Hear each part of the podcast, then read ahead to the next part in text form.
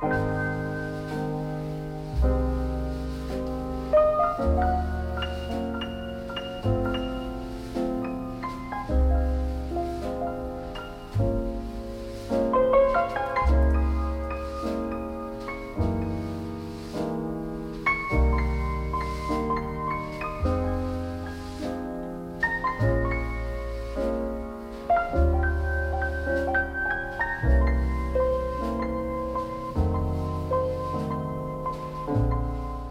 Heil og sæl, Tómas Ævar Ólásson hilsar ykkur hérna úr efstaleiti 5. daginn 21. desember. Við sjá hefst hér á jazz slagaranum Misty eftir Errol Garner en það er tríó hans sem flytur.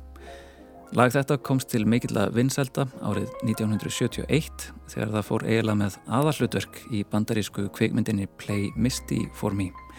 En við komum til með að heyra brot úr nokkrum útgáfum þessa lags í þætti dagsins og á dasgrá viðsjár í dag Duft, Marja May og Aksturslag Innfætra. Þetta á að vera sárt því meiri kvöl og pína því nær erstu takmarkinu að vera besta útgáðan af sjálfum þér. Þetta er eins konar stefna heilsustofnunar í nýri skaldsögu Bergþóru Snæbjörnsdóttur Duft, söfnuður fallega fólksins Bók sem hverfist um líf Veróniku og ber trublaða fjölskyldu hennar saman við vafasaman sértrúasöfnuð. Í þætti dagsins mun Kristín Marja Kristinsdóttir, ein af bókmentarínum Viðsjár, segja frá verkinu. Greta Sigriður Einarsdóttir, annar bókmentarínir þáttar, er einnig á mælendaskrá. Í þetta skiptið rínir hún í nýtt smásagnasafn Þórtísar Gísladóttur, Akstuslag Innfættra, Það sem greint er frá atbyrðum sem gætu virst hverstasleir og smávægilegir við fyrstu sín en endur spekla stærri og flóknari hliðar tilverunar. Og að gefnu til henni rifjum við upp viðtal höllu Harðardóttur við Sigriði Guðmarsdóttur, Guðfræðing, frá þau í mars um Guðsmóðurina Marju Mei sem gerðan byrstist sem hrein og óflekkuð mær í rittum og listum og þó kannski hafa heimildum um hana sem breyska mannesku bara ekki verið haldið á lofti. En við byrjum í bókmyndunum. Kristín Marja Kristinsdóttir tekur nú við. Í dufti söpniði fallega fólksins fletta Bergþóra Snæpustóttir saman tvo heima sem hverfast um sjúklega útlitstýrkun. Saðan fylgir sögumanninum Veroniku frá leikskóla aldrei fram á fullarnins ár. Veronika elst upp við að fá allt sem hugurinn gyrnist. Hún þarf aðeins að minnast á eitthvað hlut og þá eru fóreldrar hennar búin að kaupa hann með hraði.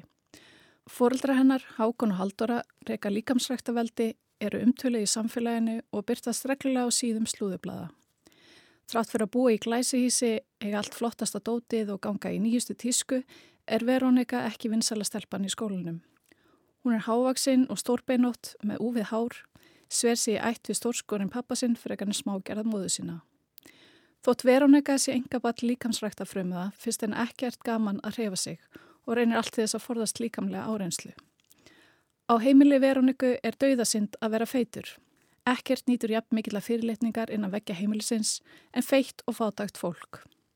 Hákon og Haldura leggja allt upp úr ytra byrði. Góðmennska, samkend og umbyrlindi er ekki hátt skrifi hjá þeim, sérstaklega Halduru, og aðista takmarki er ætið að vera tágrannur og fallegur. Veronika heyri hvernig fóldræna tala um fólk sem þau líta niður á og auðvitað síast tankagangurinn inn í barnshugan. Þrátt fyrir að móður hennar segi aldrei neitt beinleginis ljótt um líka með hennar er hún gjörna á að byggja skólanum að láta hann að hlaupa auka hringi í leikfimi og að hlaupa henn ekki út í sjóppu í fríminútum.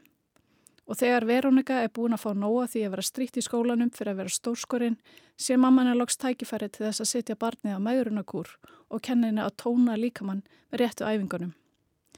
Mægrunarkúrin gengur ekkert sjálfa vel en mægrunar hugafarið er komið til að vera. Verónika vex og grasi, lærir viðskiptafræði í háskóla og tekur við rekstri fjölskyttu fyrirtækisins.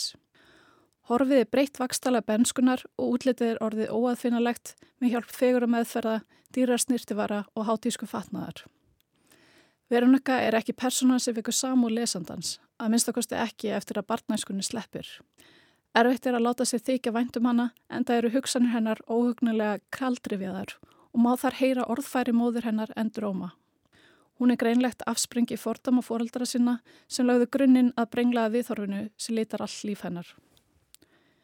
Þegar Veronika kemst í kynni við enska viðskiptmannin Prins hefur hún nýlega gengið í gegnum erfiða lífsreynslu og er freka brotin á sál og líkama. Prins er mikið sjarmatröll, vöðastæltur með loðin líkama, solbruna húð, glansandi dögt hár og skannakvita tennur. Hann reyku vítaminversmiði, rannsóknstofu og heilsustofnun á Tenerife þar sem fólk getur dvalið í mánuð, láti gera á sér rannsóknir og fengi sérsniðin vítamin, matar og æfingaprógrum í takt við niðurstöður heilsufarsmælingana. Prins flýgur um á engaþóttu, klæðist rándir um fötum og gisti bara á fimmstjórnu hótelum. Verónika hefur ætileitað í karlmenn sem eru fyrir neðan hennar virðingu. Í æsku þurft hún að sætta sig við að vera svo luralega og ljóta í fjölskyldinni og vinahopnum. Olmi endur taka ekki það hlutverk nær hún sé því yðurlega í menn sem eru miklu ungunaverðari en hún. En prins er maður hennar Kaliberi og hún er staðráðin í að kynast honum betur.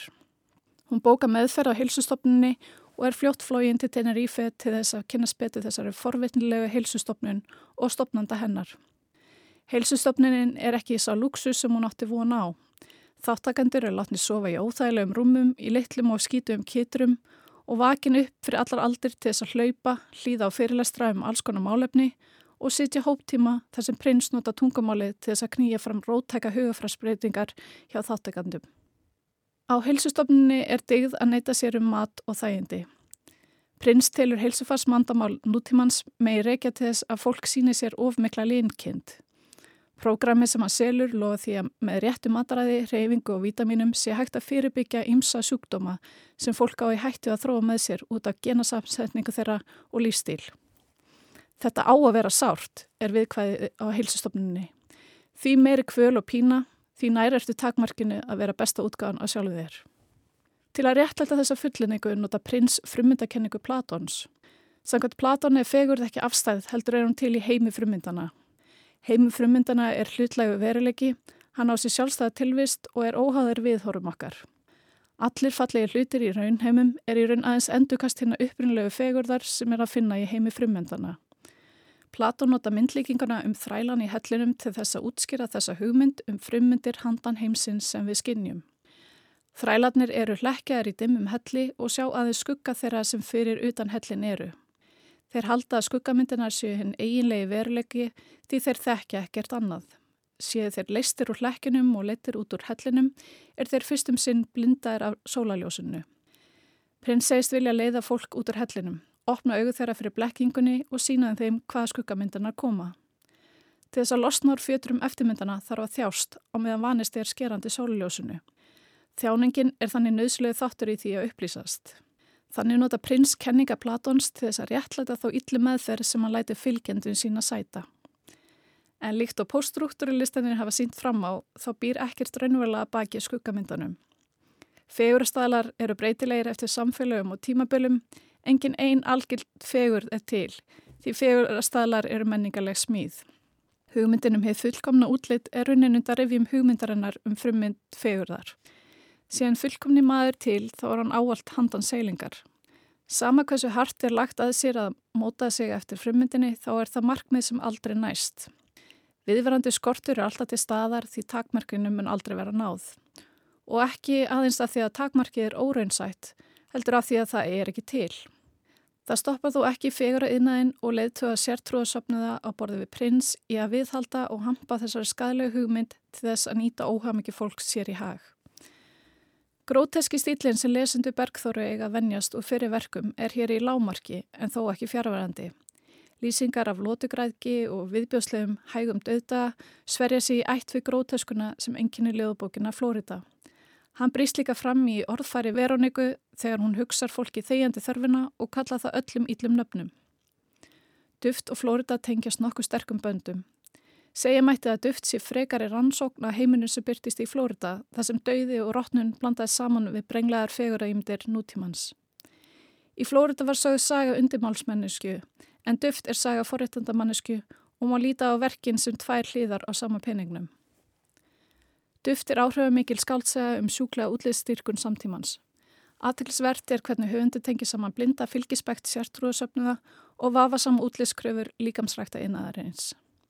Vegferðin sem leiði Veróniku í faðm sértrúðsöfnuðarins er afar sannfærandi því hugafærið sem skilar henni þangað byrjar að mótast í æsku. Personugallerið sem byrtist í verkinu er fjölsgrúðugt en stílinn er hófsamari enn í fyrir verkum verkþóru. Þar sem ég er mikill unnandi í gróteska stílsinn sem hefur engitt verk hennar hinga til, þá þótti mér synd að skrúa hefði verið niður í honum í þessu verki. En hófstilt myndmál og línuleg frásögn gerða verkum að duftmun eflaust höfða til enn breyðari lesandahóps en fyrir bækur bergþóri hafa gert.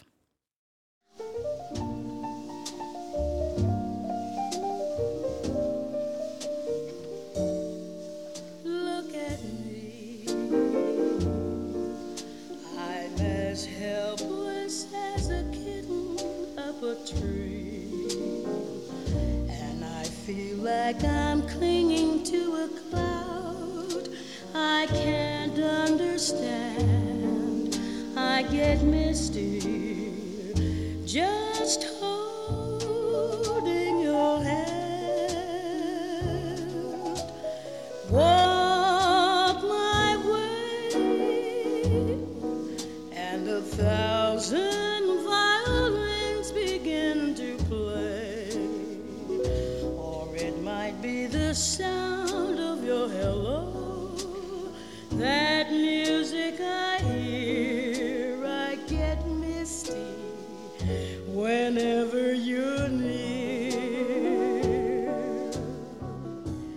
Hér heyrðum við fyrstu erindinn úr lægi þáttar Misty eftir Errol Garner í flutningi Ellu Fitzgerald og kvartett Pauls Smith Þar á undan saði Kristín Marja Kristinsdóttir frá skaldsugunni Duft, söfniði fallega fólksins eftir Bergþóru Snæbjörnsdóttur.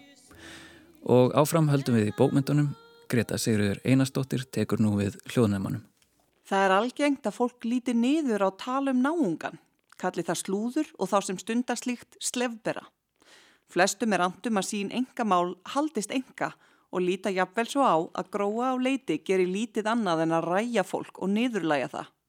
Hún smjatti á fólks verstustundum og velti sér upp úr brestum þess eins og mögulegt er. Mér finnst þó talsvert skemmtilegra að líta svo á að slúður sé aldagömmun leið til að styrkja tengslinn innan samfélaga og að sjá til þess að öll hjörðin rói í sömu átt. Það sé líka leið fyrir fólk til að átta sig á félagslegu stegveldi og hvar það passi inn í heiminn. Þannig verður slúður ekki bara rótgróin hluti af samfélaginu, heldur óaðskiljanlegur hluti þess. Það er ekki bara leið til að stýta sér stundirnar, heldur leið til að lifa af. Aksturslag innfætra er nýjasta verk Þórtísar Gísladóttur. Eldri lesendur kannast líklega helst við ljóðabækur hennar en yngri kynnslóðin væri líkleri til að kannast við randalín og mynda. Ekki síst ef hún fylgist með jóladagatalinu þar sem þau koma við sögu. Þórtís hefur skrifað fleiri barnabækur í samvinum við Hildi Knútsdóttur og skáldsögu sem kom út 2018. Þar að auki hefur hún þýtt tögi bóka á íslensku. Þetta hljóta að verða teljast mikil afköst með að við að fyrsta ljóðabókinennar kom ekki út fyrir 2010. Aksturslag innfætra er hennar fyrsta smásagnasafn. Í bókinni eru sjö sögur og á síðunni með efnisifirleitinu kemur fram að þær séu byggðar á raunverulegum atbyrðum og personum. Þær eru mislangar og ólíkar í efnistökum en þó má einnig finna sameinlega þræði. Í mörgum sagnana líta personur yfir farin veg og rifja upp í mis atvik úr lífi sínu, stór eða smá. Fyrstu þrjár sögurnar eru sagðar í fyrstu personu en í setni fjórum tekur sögumadur við. Sumar fjalla um stutt tímabil, kannski bara eina helgi eða nokkra stundarfjörðunga á kaffihúsi, en aðrar spanna heilu æfiskeiðin. Flestar fjalla um hverstagslega atriði. Þetta eru lítil augnablík sem benda til þess að að baki líki stærri saga. Sum virka einungis hverstastlegi í byrjun en vinda upp á sig þar til sögurnar varpa skýru ljósi á personuna að baki sögunni. Þótt þetta sé fyrsta smásagnasafn Þórdísar ættu lesendur að kannast við margt úr eldri verkumennar. Hún er skarp skegna fólk og það sem drýfur það áfram. Bæði hitt stóra og hitt smásmögulega, jafnvel ómerkilega, eins og öfund, hégóma og vanafæstu. Þetta gerir frásögnina svo heiðarlega að maður finnur alltaf því til með sögupersonum að gengið sé svo nærri þeim og þeirra hverstaslega kjánaskap. Stílinn tekur sig alveg mátulega alvarlega. Personutnar í sögum þórtísar gera allt þetta venjulega sem fólk gerir. Þær fara með sólglerugu í góða hyrðin, reyfja upp vinskap sem fjara þeir út þegar annar aðilinn kynntist maka sínum, uppfara vefsíðuna sína og fara í helgarferð til Parísar. Á bakvið hverja hverstagslega aðgerð likur þó heil æfi af ákverðunum og minningum sem varpa ljósi á manngerðina. Þó að frásögnin verðist hverstagsleg sviftir hún hulunni af því sem flestum okkar er eðlislagt að vilja heyra, sögum af fólki. Framan af kápubókarinnar má sjá svartkvíta mynd af konu með gamaldags hálgreyslu. Konan horfið til liðar og lesanda verðist augnar á þennar íbyggið, eins og hún viti meira en þú, en sé jafnvel til í að segja þér krassandi sögur ef henni líst á þig. Hún passar mjög vel við sögurnar í bókinni. Fyrsta ljóðabók Þórtísar bar titilinn Leindarmál annara og veitti að samaskapi insýn í hvað venjulegt fólk getur verið skrítið á bakvið luktar dyr. Í axturslagi innfætra vinnur hún með svipaðan kjarna.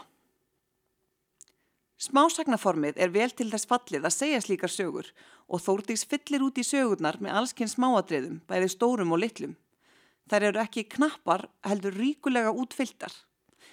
Ekki spillir fyrir að þær eru meinfindnar og gera óspart kaltæðið grín að hversteginum, ekki síst í sögunni af Vilborgu sem er alltaf í megrun, líst ekkert á opinská að kynlífsumræðu og ætlar sko ekki að panta sér tíma hjá sálfræðingi. Einnig má nefna parið sem er staðráðið í að njóta helgarferðar til Parísar í botn og skapa minningar til að réttlæta áframhaldandi samband. Eins og kannski má gera sér í hugalund af þessum lýsingum er grínið oft tragikomist og tvíeggjað. Þótt frásögnin sé blátt áfram er kýmnin líka nótuð sem sköldur til að koma í veg fyrir að raunveruleikin verði of þungbær. Sögurnar eru misjafnar eins og gengur og gerist í smásagmasöfnum. Bókarformið kallar á samanbyrð sem gerir það verkum að jafnvel þokkalegustu smásögur geta tapað á samanbyrðinum ef það er standa undan eða á eftir annari betri.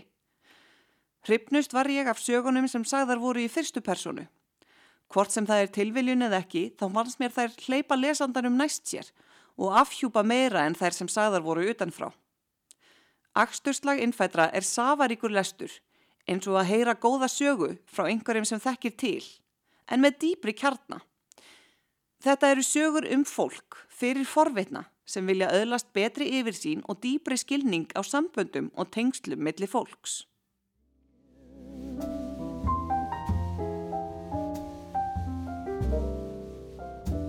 Can't you see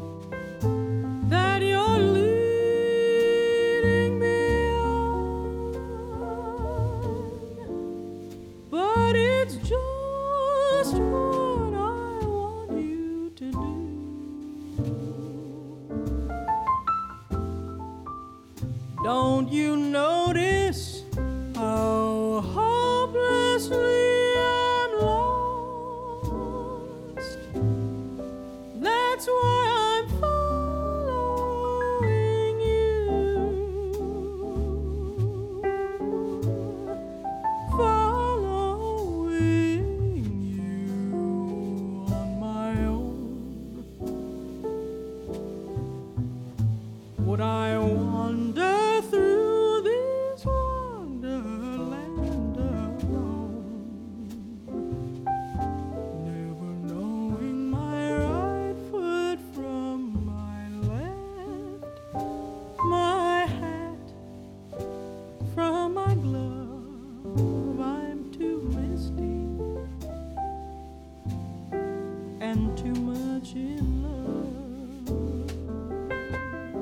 Millikabli og loka erindi Misty eftir Errol Garner í flutningi banderísku söngkonunar Samuru Joy.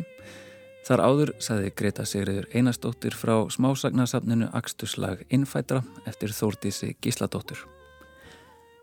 En nú þegar líða fyrir jólum ætlum við hér í viðsjá að rifja upp viðdal sem Halla tók við Sigriði Guðmastóttur, Guðfræðing í tilefnaf fyrirlestri sem hún hjælt á hugvísindaþingi Háskóla Íslands í mars síðastliðin. Þar flutti hún erindi um byrtingamindir Guðsmóðurinnar í nýri sálmabók Þjóðkirkjunar með vísan í fræðimenn og myndlistaverk Kristínar Gunnlaugsdóttur. Við hefjum einsleið á stuttu broti af einn af frægustu melódium Schubert en þar er sungið um hérna reynu og óflekkuðu mær.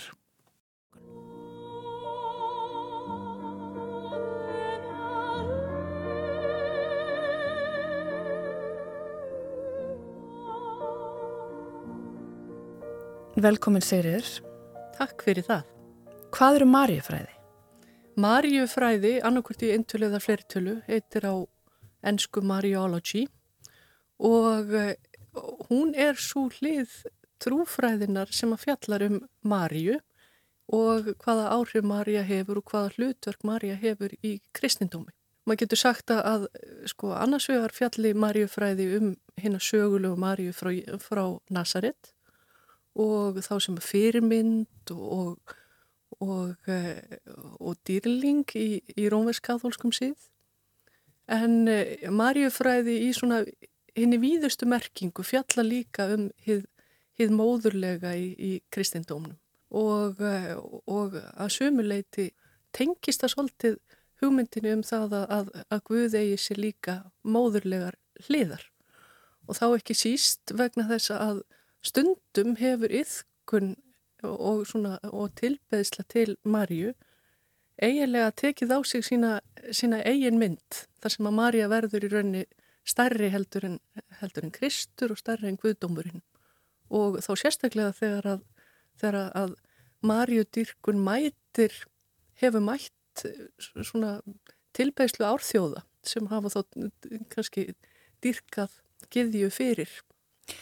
Getur þú sagt mér aðeins frá feminískri guðfræði og af hverju Marja hefur verið feminískum guðfræðingum hugleikin?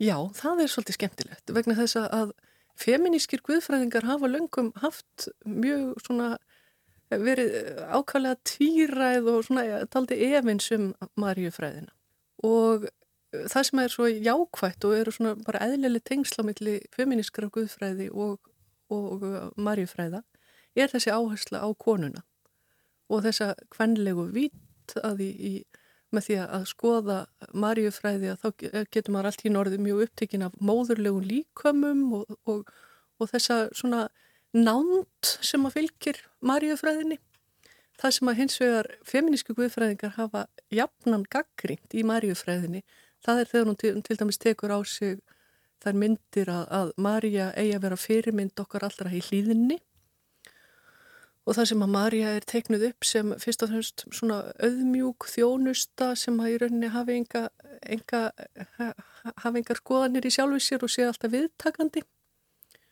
Og, og, og það er líka á kaplum sem að, að feministar eru geta verið mishrifnir af þessari upphafnu, upphafnu móðurmynd.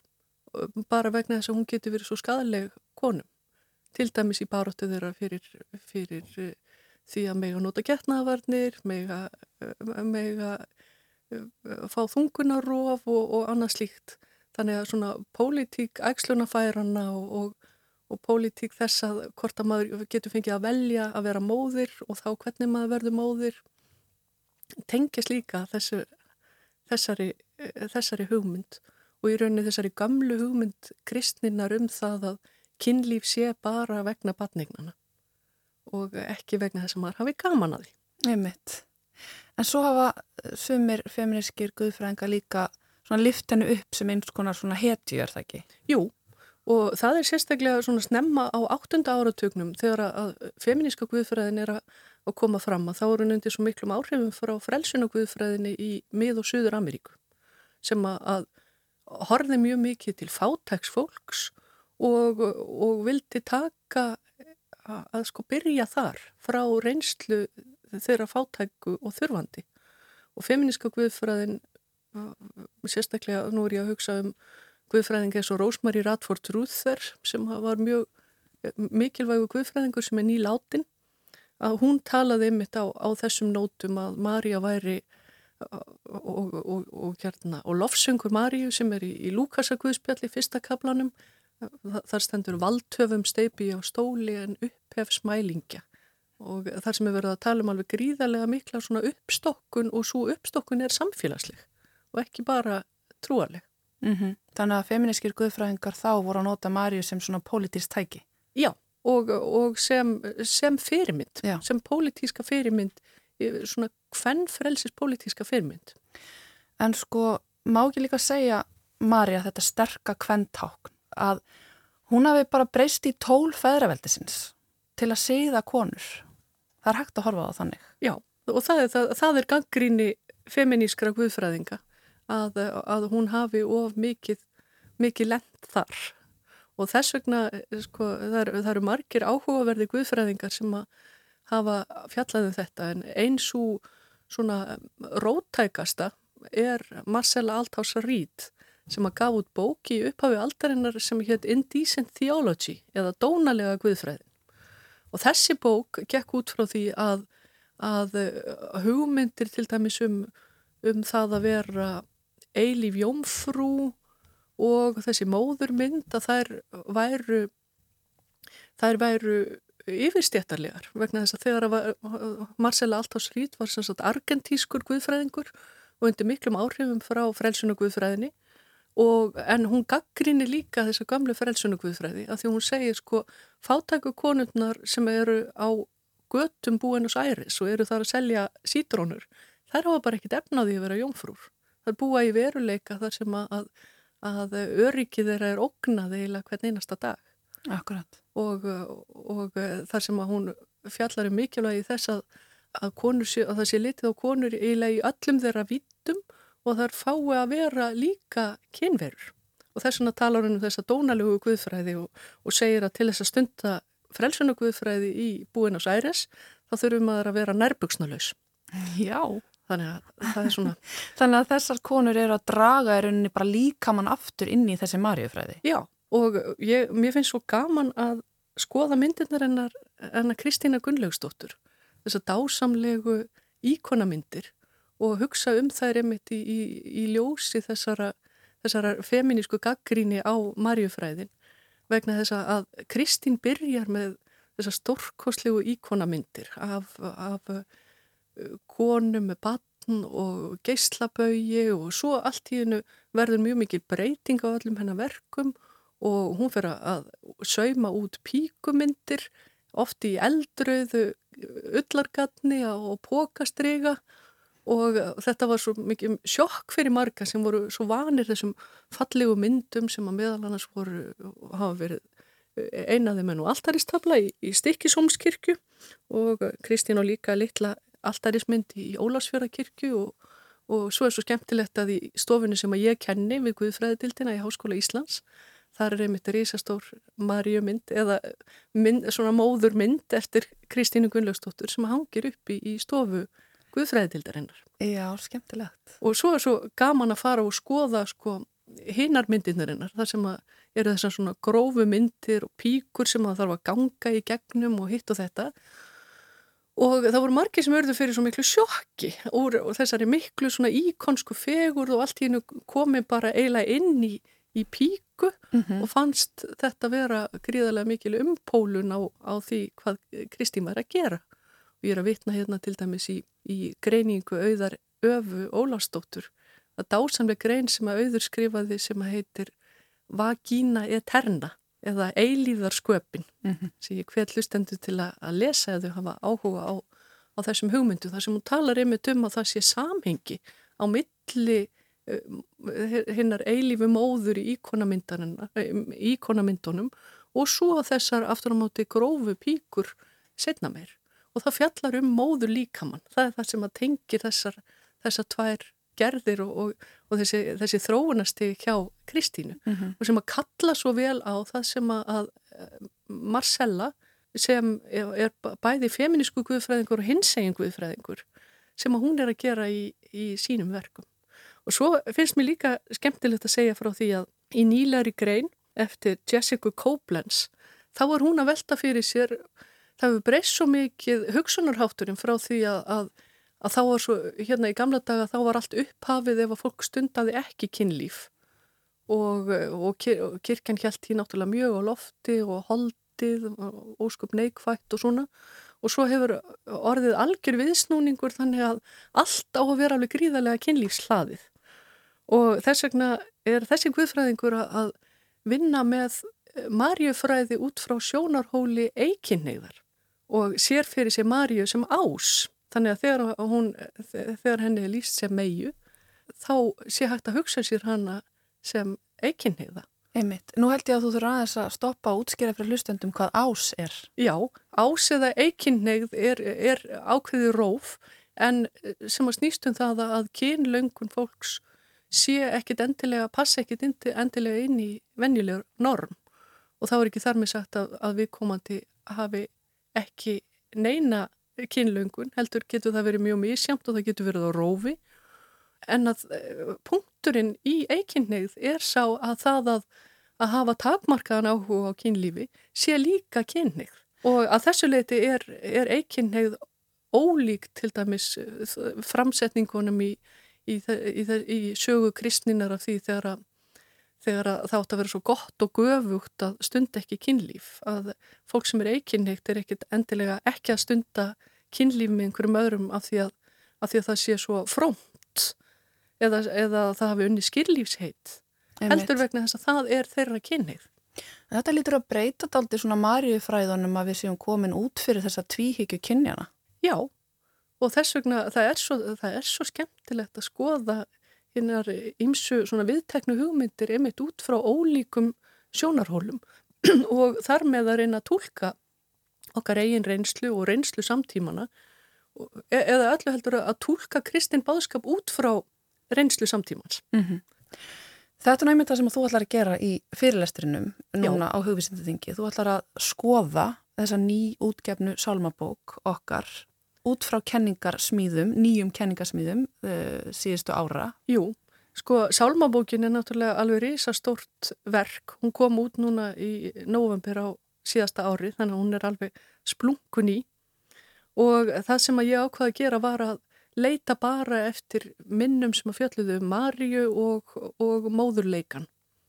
Þannig að ég er ekki að skoða alla, alla salmabókina, heldur bara gera svona, svona stikkpröfur Og eitt af því sem að, að mér fannst merkilegt er að sko, sálmabókin þessi er að taka við af 50 ára gammalli sálmabók frá árunni 1972 og svo hafa verið nokkri viðbætir, þrýr viðbætir í millitíðinni þannig að það hefur verið bætt við sálmum.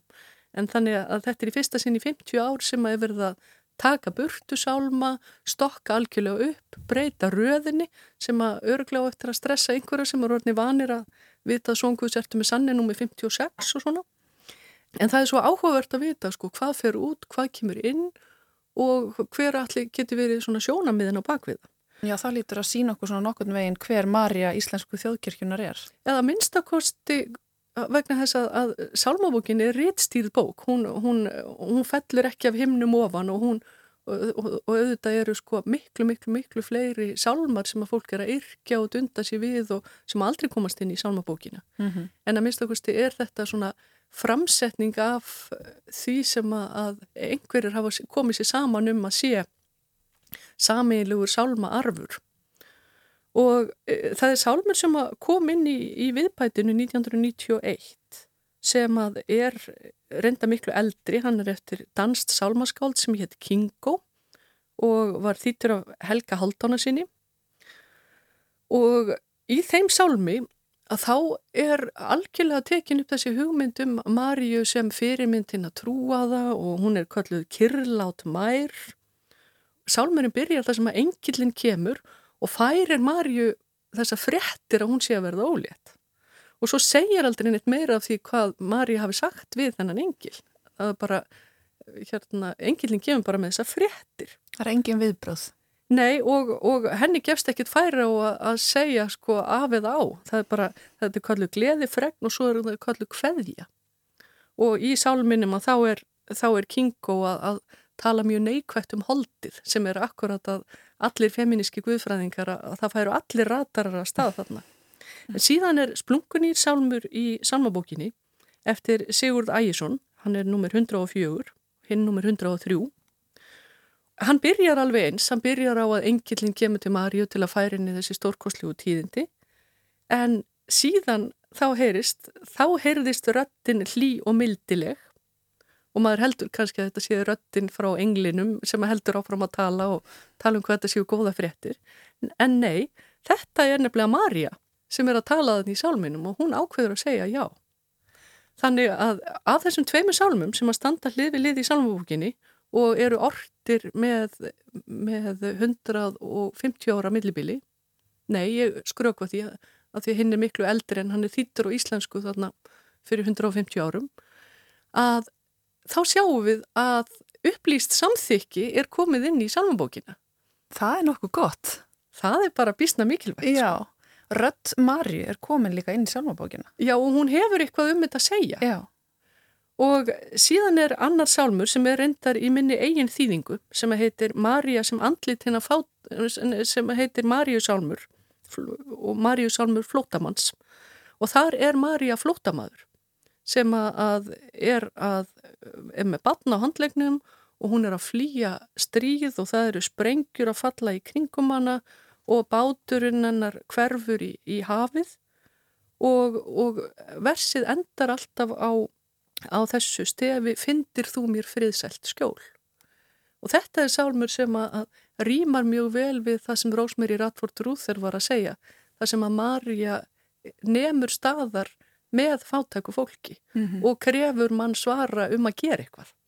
Og þannig að, að, að bylting Marju fælst í því að hún er ekki, að, að hennar sjónarhóll í þessum sálmi er ekki sjónarhóll þess sem að á ágætt heimili og örugt heimili og er að fara að gera eitthvað gott fyrir Marju, heldur einmitt það að, að vera þarna í sprengjuregninu. Og vera í rauninni ekki viðfang heldur gerandi. Já, en síðan eru líka sálmar í, í nýju sálmabókinni, það er, það er einn alveg splunkunýr sálmur eftir Hallveigu Torlasjus og þar er reyndar ekkert minnst á Marju og það er alveg spurning hvort að sálmurinn heyri undir Marjufræði en ég ákvaði að taka hann með út á tvennu.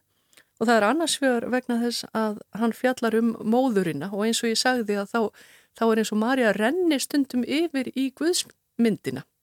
Að Já. það er ekkit alltaf hægt að að flokka hana mjög vel sem þessa sögulegu konu frá Nazaret en það er svona þetta, þetta móðurlega, kvenlega andlit Guðs sem að, að kemur svo oft fram einmitt að, að hún svona, hún flækist þarna á milli En í þessum ágæta sálmi eftir hana Hallveigu Torlasíus frá 2017 að þá er Guðdómurinn kallaður heilaga móðir alls sem er.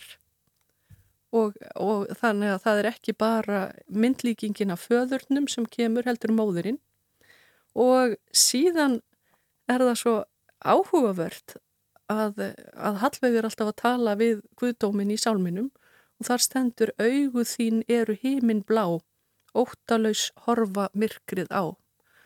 Og það sem ég finnst merkilegt við þetta er að blátt er litur Marju.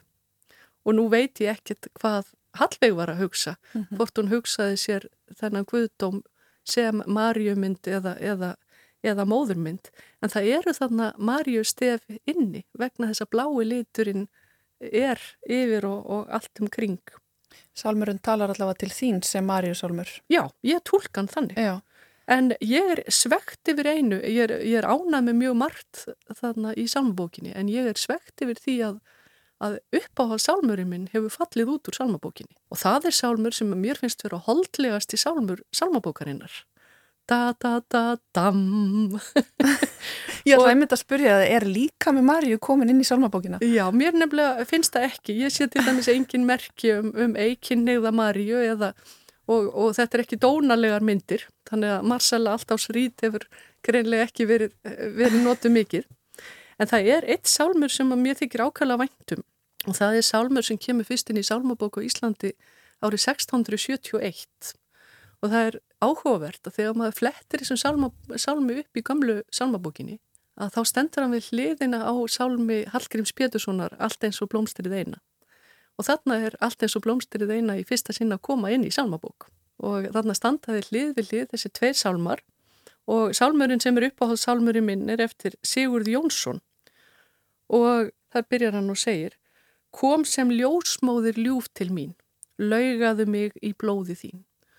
Og nú veit ég heldur ekkit hvað Sigurður var að hugsa, hvort hann hugsaði sér að að hann væri batnið sem væri nýfætt og, og, og Guð kæmi sem ljósmóður til sín eða hvort hann hugsaði sér hérna fæðandi móður.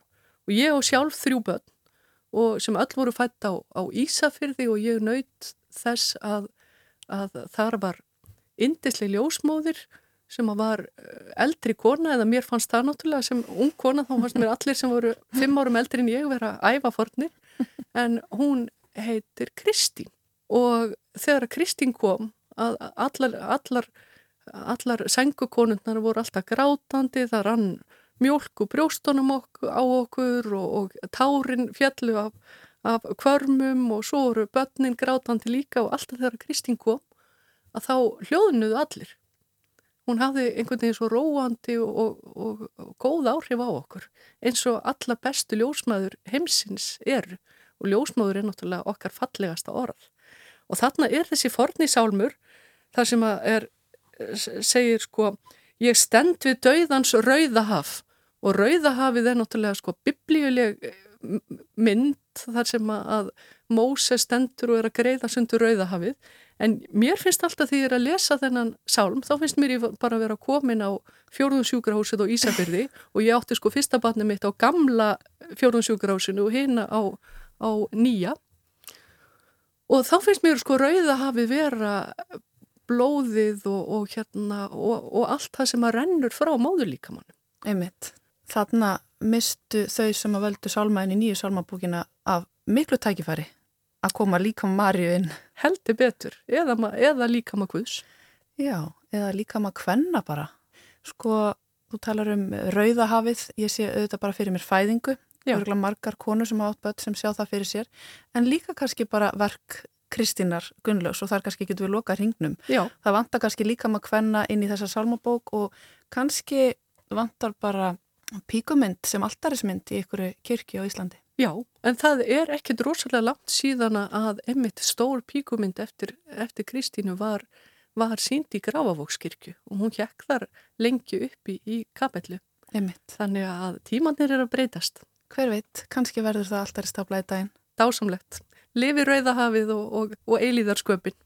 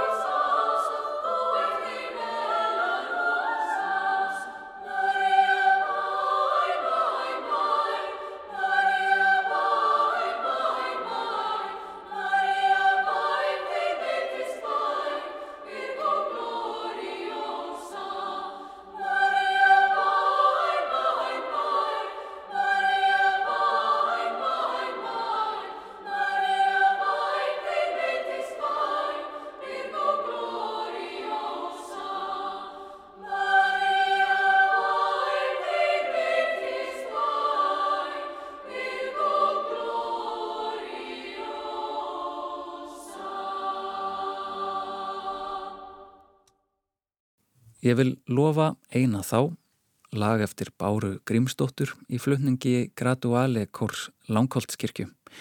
Hér á eftir samtali höllu við Sigriði Guðmarsdóttur um hérna heilugu Guðsmóður Marju Mei og um sálmabók Þjóðkirkjunar. Einslag þetta var fyrst flutti í Víðsjá í mars á þessu ári og þegar Halla vísaði þarna í fyrirlestur Sigriðar á morgun á það ekki við um morgundaginn heldur vísa það allt aftur til 10. mars síðastlegin. En nú líður sennað lókum hér í Víðsjá. Þetta er síðasti þáttur okkar fyrir jól en við verðum hér eitthvað á milli jól og nýjórs bæði í Víðsjá og hinnum ímsu jólaþáttum rásar 1. Ég og Jóhannes Ólafsson munum fjalla um nýja Nobels velunahafan í bókmyndum, hinn norska Jón Fosse, að morgni annars í jólum og Halla mun ræða við tónlistakonuna Laufeyju, einnig á annan í jólum, sem er að sprengja öll með þegar kemur að hlustun og sölu á nýjútkominni plötu hennar Bewitched. En hún var á dögunum tilnæmt til hérna mikilsvertu Grammy veluna fyrir bestu plötuna í flokki sunginar tónlistar og gefnu til henni verður jólakveðja við sjár Lægið sem hefur eld okkur í genum þáttinn, Misti eftir Errol Garner, hér í segðandi flutningi Lauver. Takk fyrir að hlusta og gleðileg jól.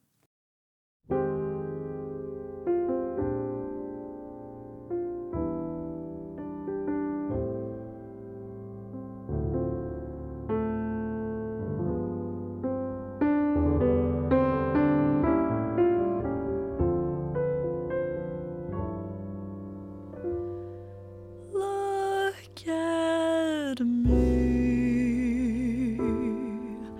I'm as hopeless as a kitten up a tree.